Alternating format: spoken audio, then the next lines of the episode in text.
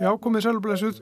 Um, nú er að fara í loftið þáttur sem að heitir Gervigreind. Mm -hmm. Um hvað skildi hann nú vera? Já, góð spurninga, gott að spyrja. En ég ætla að spyrja þig, hvað heitir þú? Ég heiti Vilhelm Antón Jónsson. Og ég heiti Guðmundur Pálsson. Við ætlum að velta fyrir okkur þessu fyrirbæri, þessu hugtæki, þessari hugmynd mm -hmm. með, um, ég sér fræðingum. Já, fullt af góða fólki. Það hefur, hefur skoðan og þekkingu á þessu, kannski aðeins meira skoðanir, bara veit um hvað það er að tala. Akkurat. Akkurat. Um, við ætlum að velta fyrir okkur bara svona, ég hef ekki segja, breyðum grundvelli hvað þetta er og þegar við fórum að skoða þetta þá komist við að þetta er mjög stort. Já, hvað er þetta? Er eitthvað óttast? Hvað er að besta sem getur gerst? Hvað er að versta? Hvað, Mm. hvað eru við? Hvaða væntingar höfum við? Margir eru hrættir við þetta Já, og halda að við munum tortíma sjálfum okkur tortíma sjálfum okkur Já það er þetta þegar að gerfugrindin eða tölfur fara að kenna tölvum og þá kennið þær þeim að við ættum ekkert að vera einn endilega, við Einmitt. bara fyrir Já, til þess að ná, til að hámarka bestun, og já, já, allt saman, akkurat, þá já, bara best að mannskefnan sé ekkit fyrir Já, já. Er það þannig? Við komumst að því komist við að því Veist þú, Vili, til dæmis bara hvað þetta er? Getur þú sagt mér hvað þetta er? Gerugrind? Nei, raunin ekki úr því að er með að segja hvað greind er bara heilt yfir Ó. En við þekkjum mann Ég, ég heiti Kristinn R. Þórisson og ég er eh, prófessor í tölunafræði við Háskólinni Reykjavík Þessi maður veit allt um gerfugrind og er búin að stunda rannsóknir í gerfugrind í já, rétt tæpa þrjá áratí. Já, nafnið kemur náttúrulega bara af augljósi tengingu við náttúruna.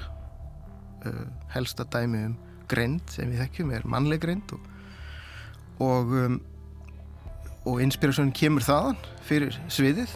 Getum við búið til vél sem að hefur þetta sem að í daglegu tali við kvöldum greind og ef það er manngjert þá er það gerfi eins og efnin sem við búum til sem ekki, finnast ekki í náttúrunni en eru samt gerfi efni.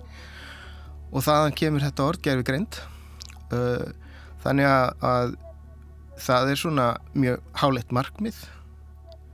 Þetta er svona næsta kannski undan því að búa til líf getur við búið til líf í, inn á rannsónstofu þannig að og um, það, og uh, þróun hefur verið já, nokkuð svona uh, jöfn og, og, og þétt í síðustu sex áratvína frá því eiginlega þetta hugtakar valið af stopnendur sviðsins svona það sem flestir segja sé einhvers konar upphafspunktur. Þó að menn hafi verið að tala um þetta áður og maður er sjæli að vissuleiti svona guðmóðir að vissuleiti sko. Um, um, já uh, og, og ástæðan fyrir því að kannski allavega eins og það snýr fyrir mér að það hefur orðið verulega aukninga áhuga svona almennings á þessu fæi er kannski uh, að framfæriðnar svona hafa verið að koma kannski í, í aðeins stórtækara mæli svona síðustu tíu árin það hafa verið svona mjög aðtæklusverðar vörður sem hafa, hafa náðst uh, fyrst náttúrulega með Deep Blue þegar Deep Blue vann Kasparov 97 svo leið tölvert langur tími en, en síðan uh, undanfarið uh, Watson sem IBM líka, bjó líka til sem að segjur að þið í Jeopardy spurningakeppninni. Hérna tvo stega höstu uh, keppendur allra tíma í þeim leik. Og það var bara vél sem allt í nöður var betri að svara almennu spurningum um hitt og þetta og daginn og veginn og allt þar á milli. Uh, og síðan þegar uh, DeepMind fyrirtæki í Breitlandi uh, hannaði vél sem að gæt unnið heimsmestara í Go sem að er tölvert öðruvísi leikur heldur en skák. Mhm. og menn svona einlega margir vissu ekki af hverju hefði ekki tekist að búti vel sem að gatt spila þann leik vel. Og, og þar, þar uh, hérna, náðist svo varða og fyrir mér er það eiginlega svona síðasta varðan af þessu, þessu tímabili, þessu 60 ára tímabili þar sem að menn höfðu þess að tilgáttu að ef að vel geti sigrað heimsmistar í einhverjum svona borðuleik að þá hlitun að hafa alliða greind. Því miður reyndist svo tilgáta eiginlega bara eins röng eins og hægt var sem því að það er tölvirt langt í land þá getur við fáum einhvern svona velminni eins og sjáum í bíomöndunum Terminator. En er það markmið? Hvert er markmið? Já, það er náttúrulega að vissu leiti hérna, það sem að drýfur áfram kannski, að framfærir mannkins er náttúrulega hugvitt og ef, ef við erum við vél sem að hefur svona líkil atriði af því sem við í daglegu, tali köllum hugvita þá, þá hlýtur það að opna alveg gífurlega möguleika. Og þannig að, að vissuleiti að, að setja greind í einhvers svona vél sem getur lappað um uh, þá getur hún farið upp tröppur. Það er auðveldara allir að gera það með fótum ef að vélminn heldur jafnvægi heldur en með, með dekkjum.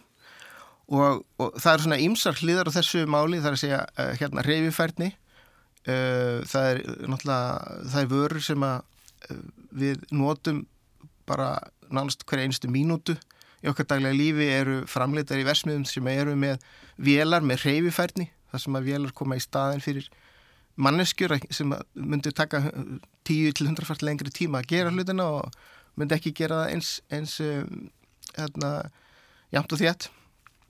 Og, og þannig að, að það mun margt breytast ef við höfum já, snefil af alliðagreind skulum við segja sem er, er þá tölvert ólíkt þeirri greind sem við höfum í vélum í dag sem er mjög sérhæfð. Það minnst að greindar hugtak svo heillandi. Þegar við tölum um gerfi greind og þá þurfum við að búa eitthvað til sem heitir greind. Þá þurfum við eiginlega að byrja okkur sjálfum. Já. úr, úr hverju við búin til? Við erum bara hrúa af dauðum atomum sem hafa raða saman en hvar, hvar, hvar sjáum við núna bara ef við tölum rosa almennt hvar, hvar finnum við mest fyrir gerfi greind í dag? Bara þegar við erum búin að til daldið svona flókið oft. Já, það, hvar, hvar verð ég mest var við gerfi greind við, við getum kannski byrjað á því sko að hvernig menn nota þetta hugtak. Það má vel að segja að við, við getum notað það í, í svona um, sérfræði uh, sérfræði þarna, uh, á, á, eins og sérfræðingar nota að- sem er að vinna á sviðinu annars vegar og svo hins vegar sem er inn í samheiti fyrir sjálfvirkni. Og þannig að ef við, ef við notum og mér sýnist svona mjög margir sérstaklega í, í um, fjölmjölum vera að nota þetta vítt.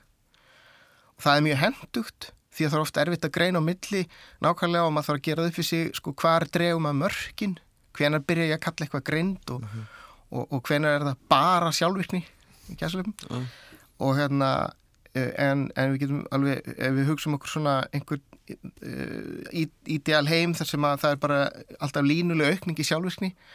Um, þó að náttúrulega raunveruleikin sé ekki alveg þannig að, að þá má alveg segja fyrir sér að við skrúum bara upp sjálfvirknina og einhverjum tíum búti að þá fer velin náttúrulega að, að fatta hitt og þetta og, og hún þarf ekki alltaf að pikki yfirmannin og, og svo framvis ef hefur stillið vekjara klukkuna mín á sjö Já. og hún ringi klukkan sjö við höfum alltaf valla að kalla það gerfi greind en það er alveg sannlega sjálfvirkni.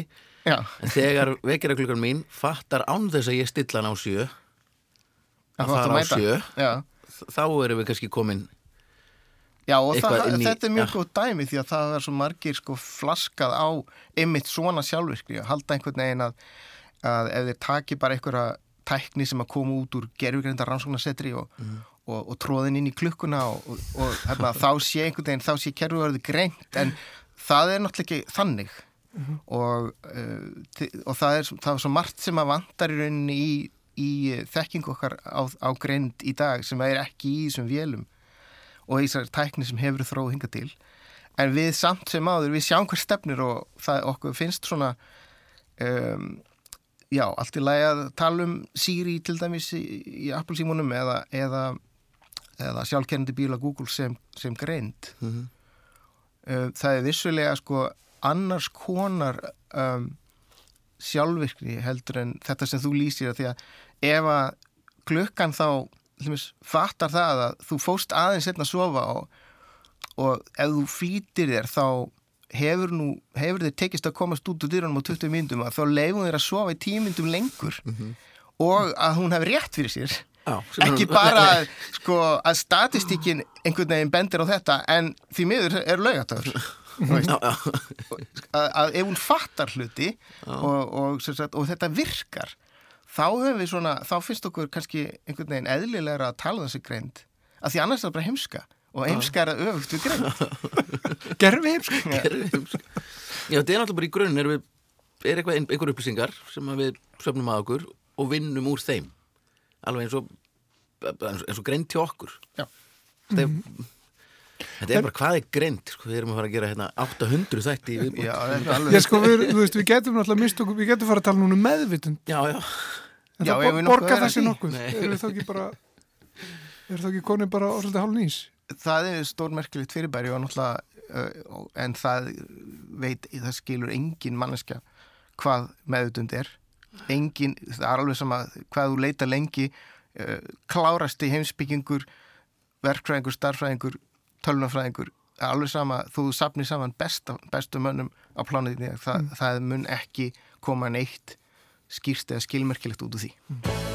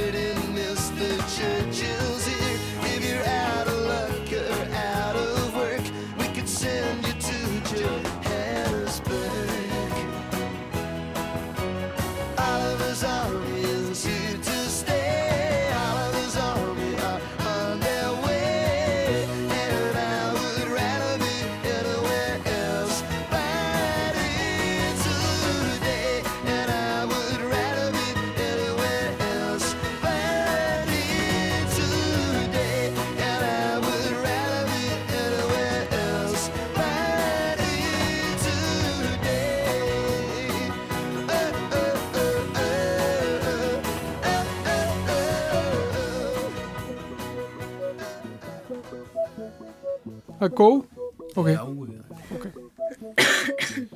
Þetta kom hóstinn. Það kom hústinn það var þetta að byrja. Já, um, við bara, við erum alltaf að kynna ykkur inn, sko, hvað sem er, held ég. Það er kannski bara, byrjum við bara þið bara að segja hvað þið heitið og hvað þið gerið. Við byrjum á því. Ég heiti Finnur Pálmi Magnússon og ég er tölvunarfræðingur og vöðrustjóri hjá Menika. Ég heiti Renata Sigurbjörgsdóttir og er verkfræðingur og líka hjá minninga.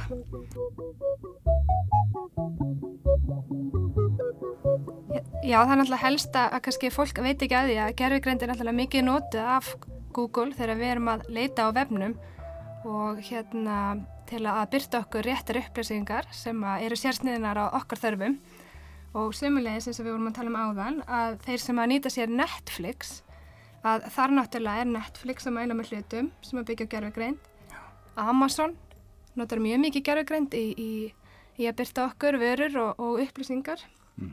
Þannig að þa- það er fyllt að þessu í gangi nú þegar. Google er líka með hérna, inbox, ég veit ekki hvort að ef þið fáið tölvupóst á ennsku sérstaklega, þeir taka við öllum tölvupósti, líku við í heiminum og þeir eru fannir að giska á hvernig þú ætlar að svara til dæmis, ef þú notar nýja inbox appið, það er tölvupóst á ennsku með einhverju spurningum, þá mæla þeir kannski með tveimur eða þreimur góðum svörum bara vegna þess að þeir vita svona um það bil hvað það er sem þú ætlar að fara að segja. Hvað maður er að hugsa? Býttu nú hægur, ok, og á hverju byggir það þá?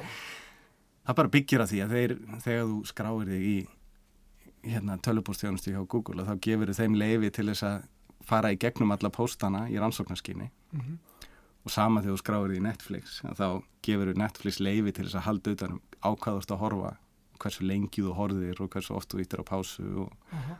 annars og leis og þetta er allt verið að nota þetta er ekki komið, það er svolítið erfitt að tala um þetta á íslensku en machine learning er eitt svið í gerfigreind þar sem algoritmannir geta bara lært út frá notkunarhegðun. Og ef þú ert með mjög marga sem er að nota Netflix þá getur þú séð þessi hérna hafa svipaðan prófíl og við ættum að mæla með einhverju sniðu fyrir þá. Mhm. og hér erum við með pósta sem spyrja ertu til ég koma út að borða á förstu daginn og þá er svarið annarkvort já eða nei eða getum við hýst setna það eru Já. algengustu svör. Já, já. og það er bara hægt að skrifa þetta upp fyrir okkur í dag. Og er hægt að skrifa sko, nei ég er akkurat á fundi þá.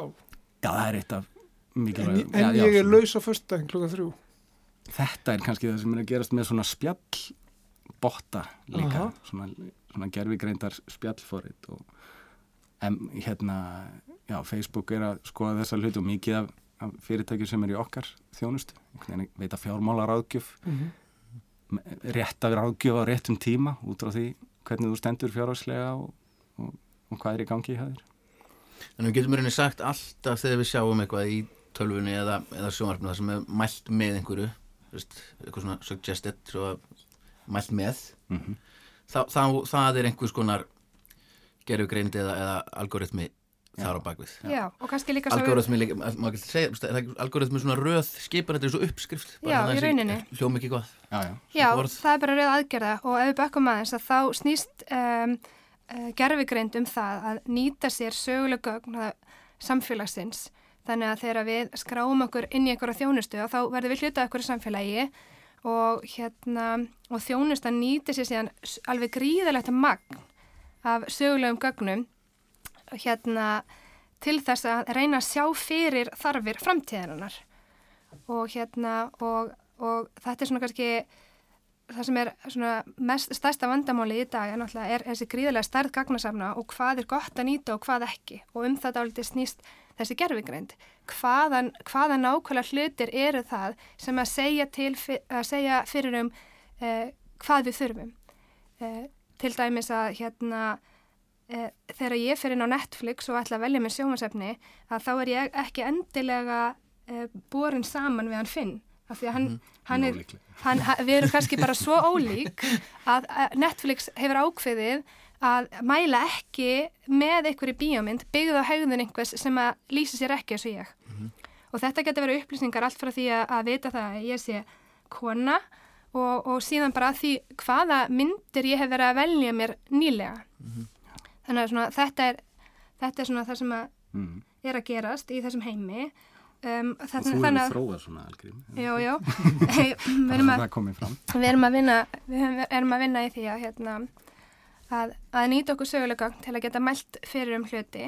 Og hérna, en svona kannski annað skref ef við skiptum þessi tvent, að það er hægt að nýta sér sögulega en svo er líka hægt að nýta sér lærdum þar sem að, hérna, ef við bara leifum kerfi að fara, ef við, ef við bara hugsum um þessa sjálfkerrandi bíla eh, ef, við, leif, ef, við, ef við hlöðum inn sögulegum gögnum inn í, í kerfi hjá sjálfkerrandi bílum og þeir kera af stað um, ef hann klessir á að þá hugsa hann, já, ok, byttu nú við, hvað eru síðustu aðgerðir sem að ég gerði sem að, að leita það af sér, að, að ég klesti hérna á eitthvað og síðan skilja það sér í sameiginlegan gagnagrunn þar sem að allir aðrir bílar í kerfinu læra af því að, að, hérna, að þessar aðgerðir leitu af sér e, neikvæða niðurstöðu. Þannig að þetta er svona bæði og þar kemur lærdómurinn líka en þannig að við erum með sögulega hegðun og svo hérna eru flest kerfi að nýta sér það að, að læra á, á niðurstöður aðgerða í nútímanum.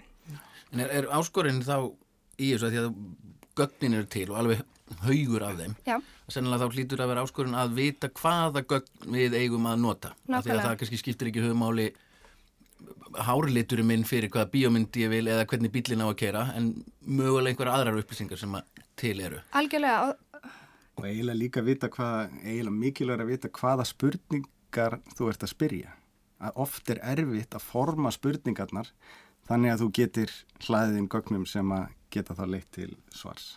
Þetta er bara hitsækir skætt með 42 og vantaði svo bara spurninguna. En, en oft, er að, oft eru spurningarnar einfaldar og það þarf ekki mjög mikið að gögnum eða, eða, til þess að, að svara þeim. Og svo geta vandamálunarðin tölvört flóknari. En það er alveg rétt að þegar við erum, erum komin á stað og byrjuð að nýta okkur gerfigreind í, í velmönum og bílum að þá verðum við að spyrja þau afar varlega eh, hvað við viljum fá frá þeim og vera mjög skýr í okkar fyrirspurnum. Já. til þess að, að þau fara bara ekki á stað og gera einhverja vittlisu. Og ólíkt mannfólkinu sem hefur aldrei gert umferðinni Já. Já, En, en sko, við erum sagt, við erum þarna, við erum byrjuð á þessu, við erum að, við erum að nota þetta á hverjum degi í rauninni, algjörlega. það sem við getum kallað gerugrind. Já. Hvaða væntingar höfum við til þessara tækni? Hvað, svona, hvað sjáum við fyrir okkur í náinni framtíð? Já, í, Já, það er, þessi, þessi meðmæli eru eitthvað sem að keirir áfram tekjur. Amazon byrjaði þar og, og náttúrulega Google er að mæla með auglýsingum sem að veitir Google áfram tekjur og, og Netflix eru byrjaði að framleiða sjónvasetni út frá okkar prófílum um, og það sem hefur verið að gera, gerast nýlega er að það er verið að skoða til dæmis öll þessi gögn sem að Facebook leikur yfir. Facebook veit mjög margt um okkur og þeir eru svona að skaffa okkur bæði auglýsingar en líka efni frá öðrum stöðum. Þannig að í dag er hægt að greina persónuleikaðinn til dælu auðveldlega út frá Facebook lækum. Ég var um það en daginn, það er fyrirtæki sem heitir Cambridge Analytica sem er að sérfræða sig, já, já, sérhæfa sig í þessu og út frá því er hægt að, það er hægt að nota þetta bæði til góðs og íls og hérna það er það sem að er, ég þekki tvo aðila sem að eru að læra þetta fag erlendis og það er alveg gríðarlega mikill tími hjá þeim sem fer bara í siðferðislegar spurningar. Mm. og skoða þegar þú komið öll þessi gögn að þá hefur mikinn kraft. Þannig að það er eitt svið sem er mjög mikið verið að skoða núna. Hérna, sagt hvernig er þetta að nota persónu upplýsingar til þess að veita þér betri þjónustu án þess þó að fara yfir í það að misnota eins og var kannski gert í Brexit og Trump kostningunum þar sem að eh, Trump eitti 7 dólarum á atkvæði á meðan Hillary eitti 15 út frá svona persónu greiningum er talið, það er nú ekki alveg búið að sína beint fram á það, það er svona verið að reyna að fá þetta, þessar upplýsingar í gegn. En hann, hum, pælingin er sem sagt að hann hafi notað gerfi greindar algoritma sem að geta giskað á hvurslags persóna þú ert út frá því hvað þú lækar á Facebook. Og Þannig að- byrti svo bara auglýsingu sem að mér líkar við beint fyrir framann nefið á mér þá. Já, þannig að út frá þessum persónleikum er eftir að giska á hvort þú ætlar að kjósa hann eða ekki, hvort Mhm. þú veldur að hræða þig til að kjósa eitthvað eða styðja það með rökum Mhm. og svo bara kemur hann sínu í gegn með þeim leiðum sem þarf út frá gerfigreindar þannig að það er gríðarlega margt í gangi bara varðandi fjölmiðlun og, og hérna hvernig við höfum aðganga upplýsingum í gegnum netið. Svona það, það er stort svið en reynda að vara að tala um bílana líka og það er mjög, það er mjög spennandi Já, það er mjög spennandi. Það er svona talið að í gerfigreind að þá séum við aldrei búin að sjá fram á það að við erum komið með, hérna, getum greint myndir og rattir með því að nýta okkur gerfigreind og svona næsti stóri sigur er þá, er hérna, eru sjálfkerrandi bílar Já. sem að er alveg, alveg gríðilega spennandi af því að um, það bæði mjög spennandi verkefni bara út frá svona, svona gagnagreinilegu sjónamiði en líka vegna þess að um, eins og finnum var að tala um allar síðferðislegu spurninga, spurningarnar sem að vakna Eh, nú er það þannig að hérna, MIT eh, gáði nýlega könnun á hvernig best væri að bregðast við þegar sjálfkerrandi bíl lendir í erfiðum aðstæðum. Eh, í dag þegar við keirum þá tökum við bara ákvarðanir sem bílstjóri og þar geta endað vel eða illa. En staðin er þannig að þegar við erum komið sjálfkerrandi bíla að þá verður forreitarinn að vera búin að ákveða hvað bílinn á að gera í hva, hvaða aðstæðum, hverja aðstæðu fyrir sig. Og hérna sem ekki er alveg ábúrslega erfitt verkefni og þeim fannst þeir ekki náttúrulega vera kannski í þeirri stöðu að geta bara sest niður og ákveð þetta þannig að þeir sendu út könnun til að fá þetta bara frá fólkinu og það er svona það er svona misum viðbröð við þessari könnun en það er til dæmis komið fram spurningar eins og ef að, ef að gamall maður er að keira bíl uh, og sér fram á að, að velja á milli þess að hérna, að keira á gangandi vegfaranda og slasa hann sem að geti verið börn eða á hann að keira á vegg og, og það er að leiðandi ganga frá sjálfum sér. Og þetta eru bara þetta eru alveg rosalega spurningar sem þarna þarf að svara og það þarf að leysa þetta og það þarf að skrifa þetta niður eh, sem er aldrei sérstakt. Og hérna en hins vegar má ekki gleyma að hundruður þúsunda manna deyja í bílsleisum árlega í heiminum og týjir þúsunda í bandaríkjunum einum og bara í, í fyrra já, alveg, alveg 20.000 og 95% þeirra voru vegna mannleira mistaka. Þannig að þið getið ímyndað ykkur að jafnvel þó við þurfum að standa frammi fyrir svona ofbáslega erfiðum og jafnvel svona sumuleit alveg fárulegum ákvörunum að þá getur þetta að bjarga tugum þúsunda mannslífa. En erum við þá, erum við þá að tala um það að, að þessar vélar taka bara ákvarðanir fyrir okkur eða fyrir sig og, og þá fyrir farþegan Já, og fyrir allt samfélagið í rauninni. já, eru það ákvarðanir alltaf þá sem að e, manneskja er búin að skrifa inn undir þessum kringustafum þá þarf þetta að gera þetta eða munum við vera komin á þann stað að vélarnar bara læra og það komast að því og bera saman öll gögnin e, meta aðstæður Já. Ég ætla að gera hana vekk. Fyrir heildina er betra að ég keiri alltaf á vekk. eða í sumu tilfell, nákvæmlega þessu Við tilfell eigum kannski því miður og betur fer ekki nógu mikið á gögnum um það á hvað á að keira þannig að í einhverjum tilfellum þarf að, að simulera þessa hluti og það er, það er verið að keira endalausar greiningar núna og það, er, það var önnu tilhör núna um daginn þar sem að það var verið að skoða það hvað tvö gerfigreindar algrím gerðu þegar voru að keppast um mat. Þannig að þetta byggur bara til tölvuleik og letu tvær tölvur spila og voru að sjá hvort það myndi gera svipaða hluti og við höfum bara greint í, í mannskeppninni. Það, og það voru ekkert ólíkar niðurstöður. Þegar þú gafst þeim bissu og eina gullrót þá voru þeir líklegri til þess að, að slást og raunverulega skjóta niður eða hæja á hinnum algrímnum sko. Og þetta var eitthvað sem þeir lærðu bara með það markmiði að, að lifa af.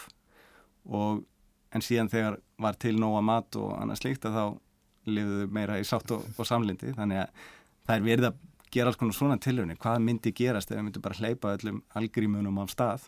Og það sem að nýlega var gert líka svona í þessu þema er að það er búið að búa til uh, algoritma sem að uh, býr til aðra algoritma.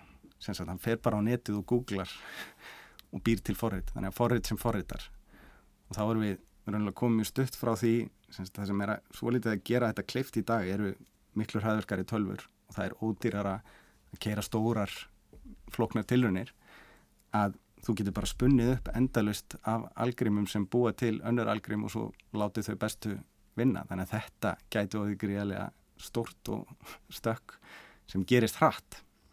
Og hérna sér hún lengin alveg fyrir endan á því. Sweet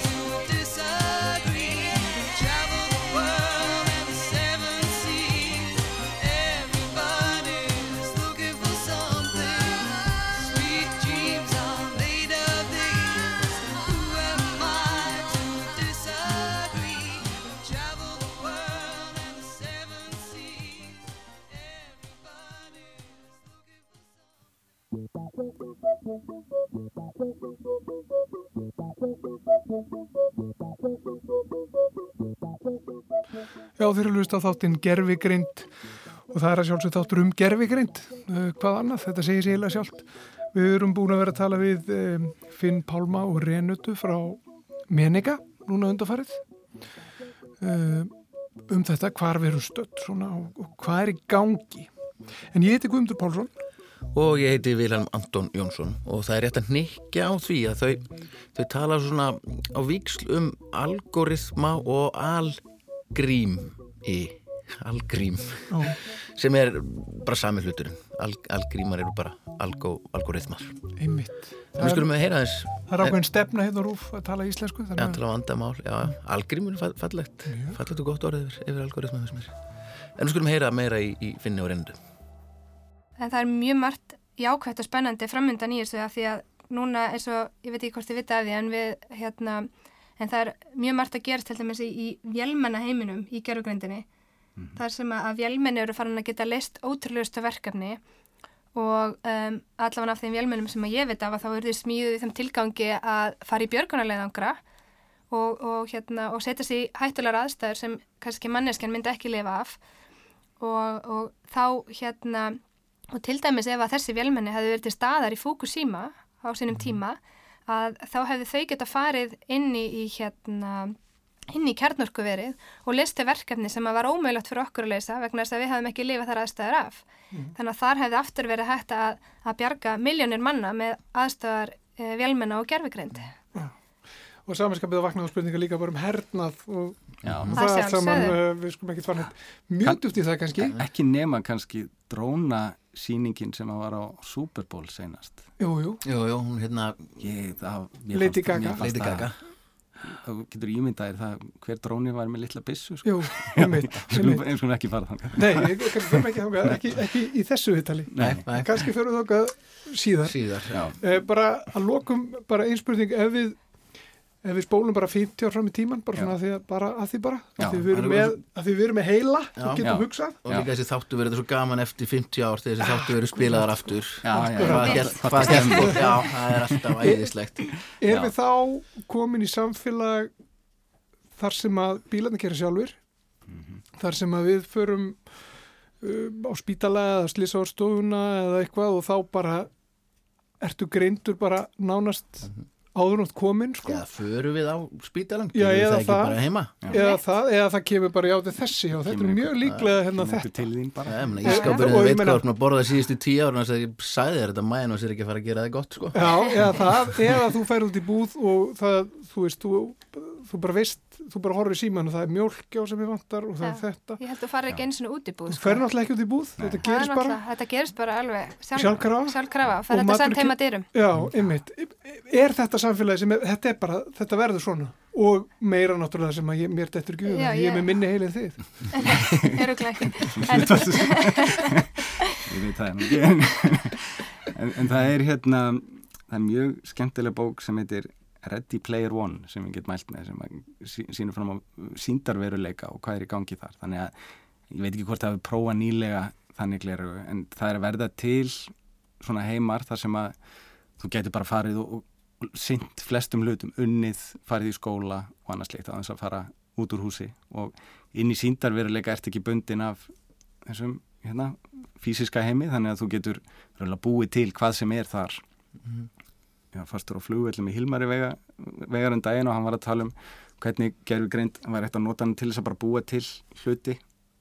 Þú veist, hérna er hundur hérna er köttur, búið til eitthvað dýr út frá því, bara getur fundið upp nýtt dýr og í staðin fyrir að sé einhver teiknari að teikna þetta allt saman, þannig að í gerfigreindar heiminum er mikið að gerast. Nema það verði bylting sem að sumir eru að spá að ef að til dæmis sjálfkerrandi flutningabílar í bandaríkjunum munum leggja miðríkin bara á hliðina allar vegasjoppur og þeir sem að eru að keira trukka í bandaríkjunum. Þetta er alveg gríðarlega stór business og sama bara með all þjónustu störf og annað slíkt sem að væri hægt að, að skipta út fyrir vélmenni eða, eða vefið móta eða app á, á næstu árum það verður gríðarlega mikil breyting þannig að spurningin er bara hvort að hvort við munum láta þetta yfir okkur ganga eða hvort við förum bara aftur upp í sveit að, Mhm. í hva, búskapin. hvar, hver er með rauðatakan?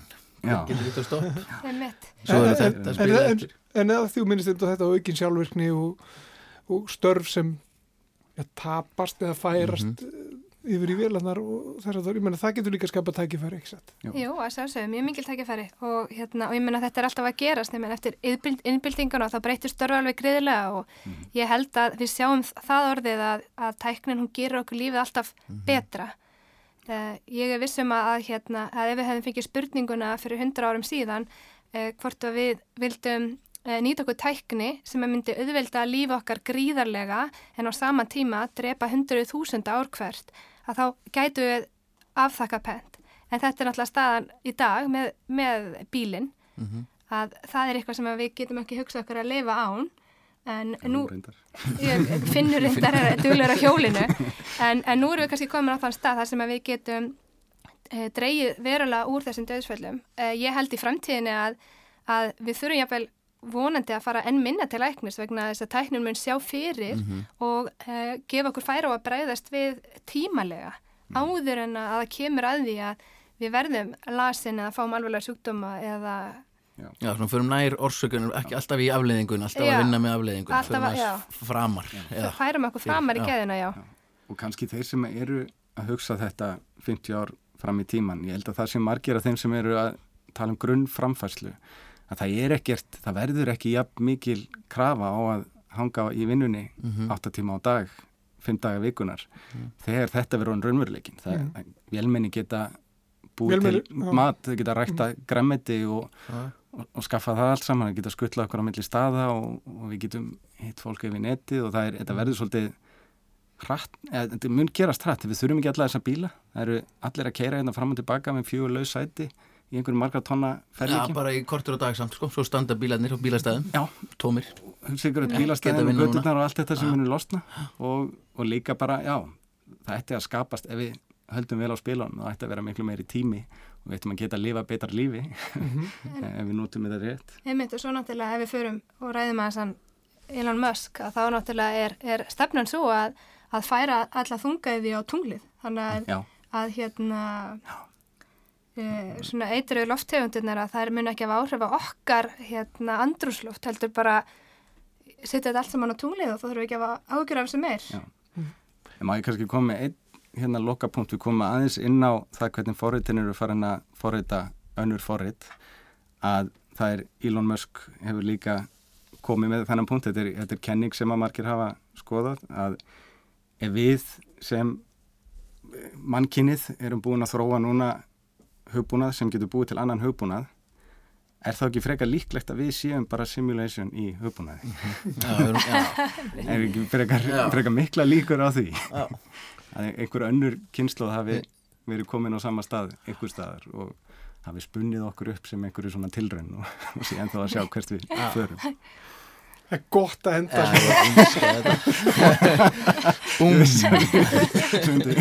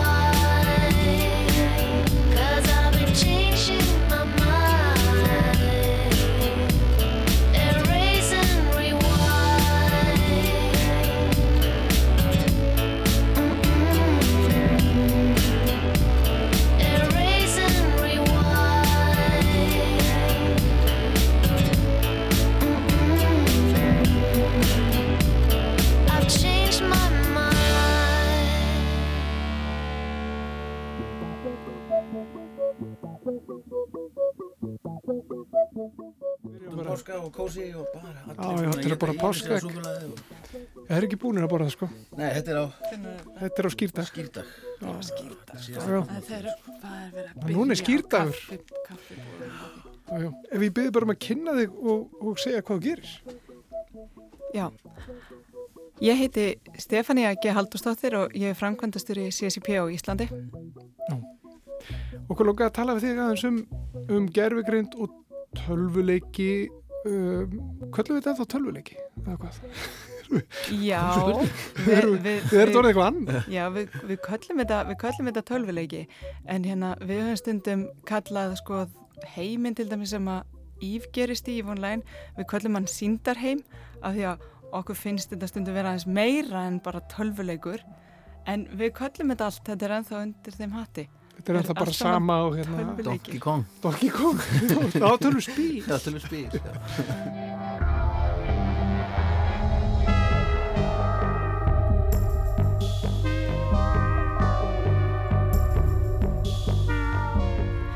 Sko, leikjabransin er svolítið merkilegur að því leiti varandi gerfigreind að í leikjabransanum er hægt að prófa alls konar hluti sem að er ekki í rauninni hægt að prófa á einhverju, einhverju þetta er svo, það er svo auðvelt að, að prófa alls konar gerfigreinda tilgátur og, og gerfigreinda tilraunir í leikjum af því að þetta er svo, þetta er svo lokað og örugt og það gerist ekkert verra en að leikurinn verður einhvern veginn undarlegur. Þannig að núna er, er þróunin rosa mikið þannig sko að það er verið að gera fullt af hlutum í leikjum og láta gerfigreind til dæmis vinna leiki. Og nú er alveg mjög langt, það er alveg 20 ár síðan að gerfigreind vann í skák. Og svo á síðast ári vann gerfigreinda forrið kínverska leikin Go sem er rosalega flókin og eru svona 19 sinnum 19 hérna reytir og, og gerfigreindin lærir að spila. Þannig að það er mjög merkilegt að sjá sko að gerfigreindin er í raunin að læra eins og við lærum. Við lærum í gegnum leiki og núna er gerfigreindin að spila leiki og gerfigreindin er að læra á þessa leiki og er að læra að taka alls konar svona svona taktískar ákvarðanir og gerfigreindin er sagt að læra þessa tækni, lærir að nota hana og svo það sem að gerist næst er að, að það er sett upp í rauninni svona instans af leiknum. Þannig að gerfigreinda forritið það, það hraðspólar yfir rosalega mikla þróun í því að það spilar við sjálft sig miklu hraðar en við getum til dæmis kendi og það er það sem er að koma fólki svolítið á óvart sko að, að það þarf að kenna gerfigreind en núna þegar gerfigreindin kennir sér sjálfi gegnum leiki þá er þróunin miklu hraðari. Já, gott, þannig þannig að gerfugrendir lærir núna miklu hraðar af sjálfri sér þá en við getum nokkur tíman kentinni. En er, er ekki einhver tak við, við, ákveðu við ekki hvað hún getur lært? Eru við ekki ennþá rammin eða er engin rammi, er engin skeið? Já, sko, bara- við, við, já, við, við í rauninni ákveðu hvað við setjum inn í, inn í þetta ferli. Og, ef, og eftir hvaða leiki við setjum inn í þetta ferli eins og ég var að, var að nefna þetta eru, þetta eru rauninni þessi, þessi leiki sem gerfigreind er búin að vera læra á er, er þannig að, að hún hefur yfir sín yfir allt borðið og það sem er spennandi núna, sem er að gerast núna er til dæmis er, gerfigre, er, er gerfigreinda fyrirtæki að nota Starcraft leikin og í Starcraft leiknum þá kemur miklu meira inn í sem er ófyrirsjáanlegt. Og það kemur inn í svona hagkerfi og það kemur inn í það kemur inn í svona leikja leikja element sem að þú getur ekki séð fyrir. Og hvernig kemstu áfram með alls konar mismunandi ákvarðunum og hvað kemur inn í það og núna er, er þetta er það sem er að gerast í dag. Þannig að þú getur stjórna hvaða leiki hvað, hvernig við, hvað við setjum inn í það en útkoman við höfum ekkert svona mikla stjórniði Sta- strax við þú sagðir þetta þegar þú tala um hérna, Go, hann að kínasku skákina en svo þegar gerfugreindir fyrir að spila töluleiki eða lífi þar sem er, eins og þú segir, svona ófyrir sjáanlegar upp á komur eins og til dæmis svo klíkumyndanir við tökum eins og EVE Online eða þar sem, ert, þar sem er hópur af fólki að spila. Sumir eru kannski meiri vinir en aðrir. Þá þarf þessi gerfugrind náttúrulega einhvern veginn að ég veit ekki, að hún er að sjá fyrir klíkumyndir, kannski getur hún bara gert það hún sér mörgum dögum áður en það gerist þessi, þessi og þessi eru svona þengjandi þeir munu örgulega mynda einhverju klíku eftir best að fara strax og deil og drotna þarna, ég veit það ekki. Ég, nú, er, nú, er, nú fyrst það er rættur í þetta sko. Já, ég, hérna, sko, það, það, er svo, það er svo erfitt að hugsa sér að gerfigreind geti lært einhvers svona, einhvers svona félagsleg eh, kerfi og, og, og, og, beita einhverjum svona félagslegum áhrifum. En það er líka búið að prófa, sko, ef maður kennir gerfigreind, já, þú veist, það eru, það eru svona nokkrar instansir til það sem er verið að kenna gerfigreind svona co-op-leik og ef að verðlaunin eru sko fyrir að vinna saman þá er komið í ljós að þá vinna þessi gerfigreindar eða sem við kalla svona agentar þá vinna þeir saman vegna þess að það er markmiðið þeirra. En ef að markmiðið þeirra er að, er að, er að maximæsa í rauninni sitt þá þegar að til dæmis fer að verða vöndun á einhverju þá byrja þær að berjast. Og um, hana mér finnst rosa spennandi að hugsa til þess sko að, að það sem er að gerast núna að örgulega hraðar en ég get ímynda mér að þá getum við fara að kenna gerfigreind að spila Online því að Online er alveg rosalega flókin leikur upp á þetta og spila mjög mikið inn í þessi félagslegu kerfi og þessi félagslegi þáttur í raunni og það verður mjög áhugavert að sjá og ég er alveg vissum að gerfigreind mun læra á það líka. Hvernig, sko, nú erum við að tala um, um tölvuleiki, við erum að tala um afþreyingur, við erum að tala um skemmtun uh, í rauninni. Um, og líka náttúrulega, já, eins og ég menna, þetta er líka samfélag, þú ert líka að taka þátt í ykkur samfélagi. Um, en, sko, hvernig getum við notað þessa tækni og það sem verður til þarna einhvern veginn í sko raunveruleikanum, í raunverulegu samfélagi. Er hægt að nota sko það sem að uh, já, þið verið vísari og, og ykkar, ykkar uh, fyrirtæki og ykkar kerfi getum við einhvern veginn fært að yfir í á aðra þætti samfélagsins. Ég, ég held að, ég held að nú, það er verður þannig. nú er ég ekki að segja bara tölvuleikir. Nei, en ég, Er samt aðeins. e- einmitt, ég held eins og ég var að segja hana að, að gerfigreindin er í rauninni í grunnskóla núna að læra í gegnum leik eins og við lærum í gegnum leik og svo þegar þetta, fer, þegar þetta færist satt, út í það að verða flóknara og flóknara þá lærir gerfigreindin flóknari og flóknari samsetningar og flóknari og flóknari ákvarðanatökur í rauninni í gegnum leikina. Og hérna og þá getur maður ímynda sér að það verði hægt að taka inn í svona einhvers konar raunveruleika applicationir. Að, einhver, að þegar að gerfigreindin er að því að hún byggir alltaf ofan á og það er það sem að ég held að það er það sem að við kannski hræðinspínlíti líka. Það er þetta að gerfigreindin er ekkert að gleyma því sem að hún lærði fyrir tíu árum. Hún verður bara alltaf betri og betri og betri.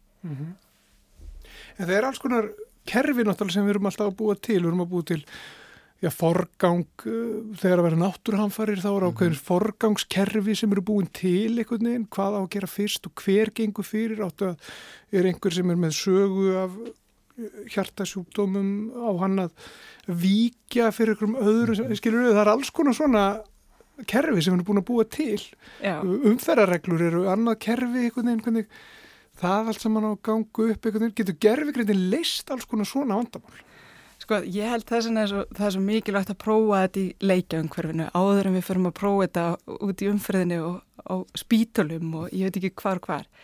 En það er, ég er alveg vissum að gerfugreindin á eftir að leysa eitthvað af þessu. Þetta kemur, kemur manneskjan örgulega alltaf að þessu á einhverjum tímapunkti en það er samt fullt af hlutum sem við sjáum ekki núna að munu geta verið ákvörðuð í gegnum svona gerfugreindar ákvörðanatöku og það verður örgulega þannig að, að það eru mörg störf sem verða, verða fyrir áhrifum af þessu. Og til dæmis þegar við erum búin að kenna gerfigreind að spila fullt af leikjum, ekki maður aftur inn í leikjabransan það er ekki því til fyrirstöð að við getum látið gerfigreind eitthvað daginn búa til leik. Þannig að það vera Dæmis. forritarinn sjálfur sem að vera fyrstir. Eru fyrstir og óþrúið en eins og, eins og segir hann með gerufgrindina þegar, þegar hún stendur fram fyrir því að vinna saman þá hérna fá allir appilsínur en eða takmarkaður forði eða, eða verðlaun þá fer hún í, í stríð. En er, er, er þetta ekki eitthvað? Því að við, er þetta ekki komið frá okkur?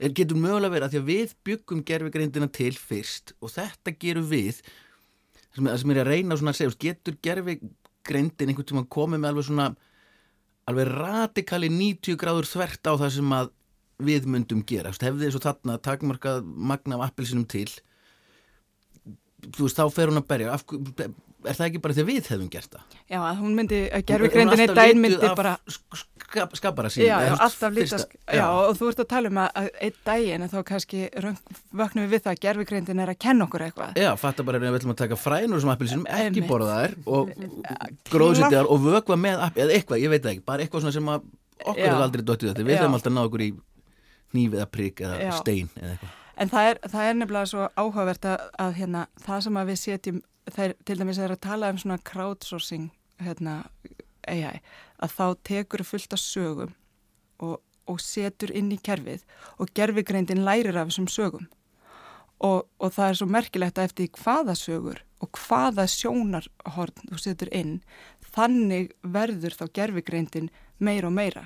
Þannig að ef að við til dæmis setjum bara sjónarhorn einhverja þjóðfélagshópa inn í gerfigreind, þá mun gerfigreindin akta meira í því að útiloka aðra þjóðfélagshópa eða, eða þannig. Þannig að við höfum mjög mikil áhrif á þetta en á sama tíma að þá það fer eftir hvernig þetta er byggt upp að þetta byggir alltaf ón á ef, ef við notum gerfigreind sem byggir ofan á annari gerfigreind að þá geta komið útkomur sem við reiknum ekki með og það geta komið útkomur sem að kenna okkur eitthvað nýtt.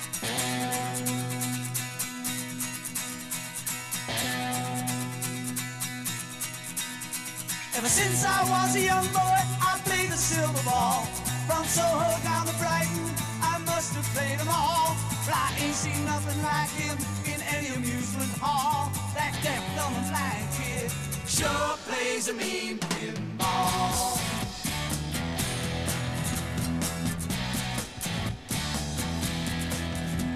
He stands like a statue, becomes part of the machine.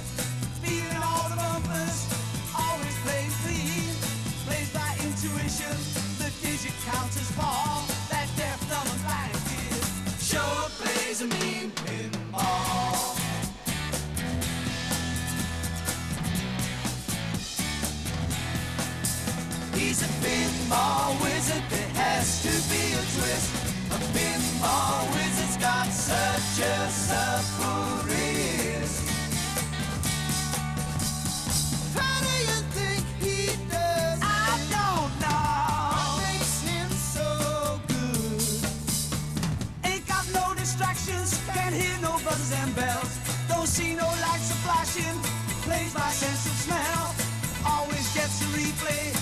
never seen him fall. That deaf, dumb, and blind kid sure plays a mean pinball.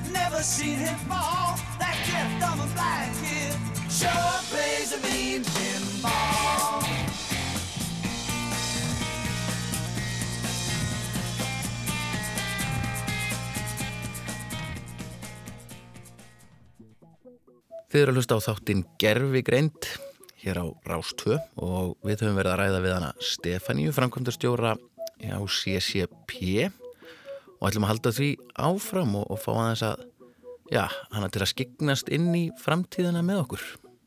Sko, það er svo eh, eh, merkilegt með leiki eins og þegar við spila leiki sem að, hérna, þið veitum að þreytist á leikum þar sem að, þar sem að, þar sem að tölvan er með karakterinn og, og allt er fyrirsjánanlegt og eitthvað svona. Það er alveg gaman að spila þetta í einhver tíma. Man kemur ekkit endilega aftur til þess að spila sam, sömu söguna.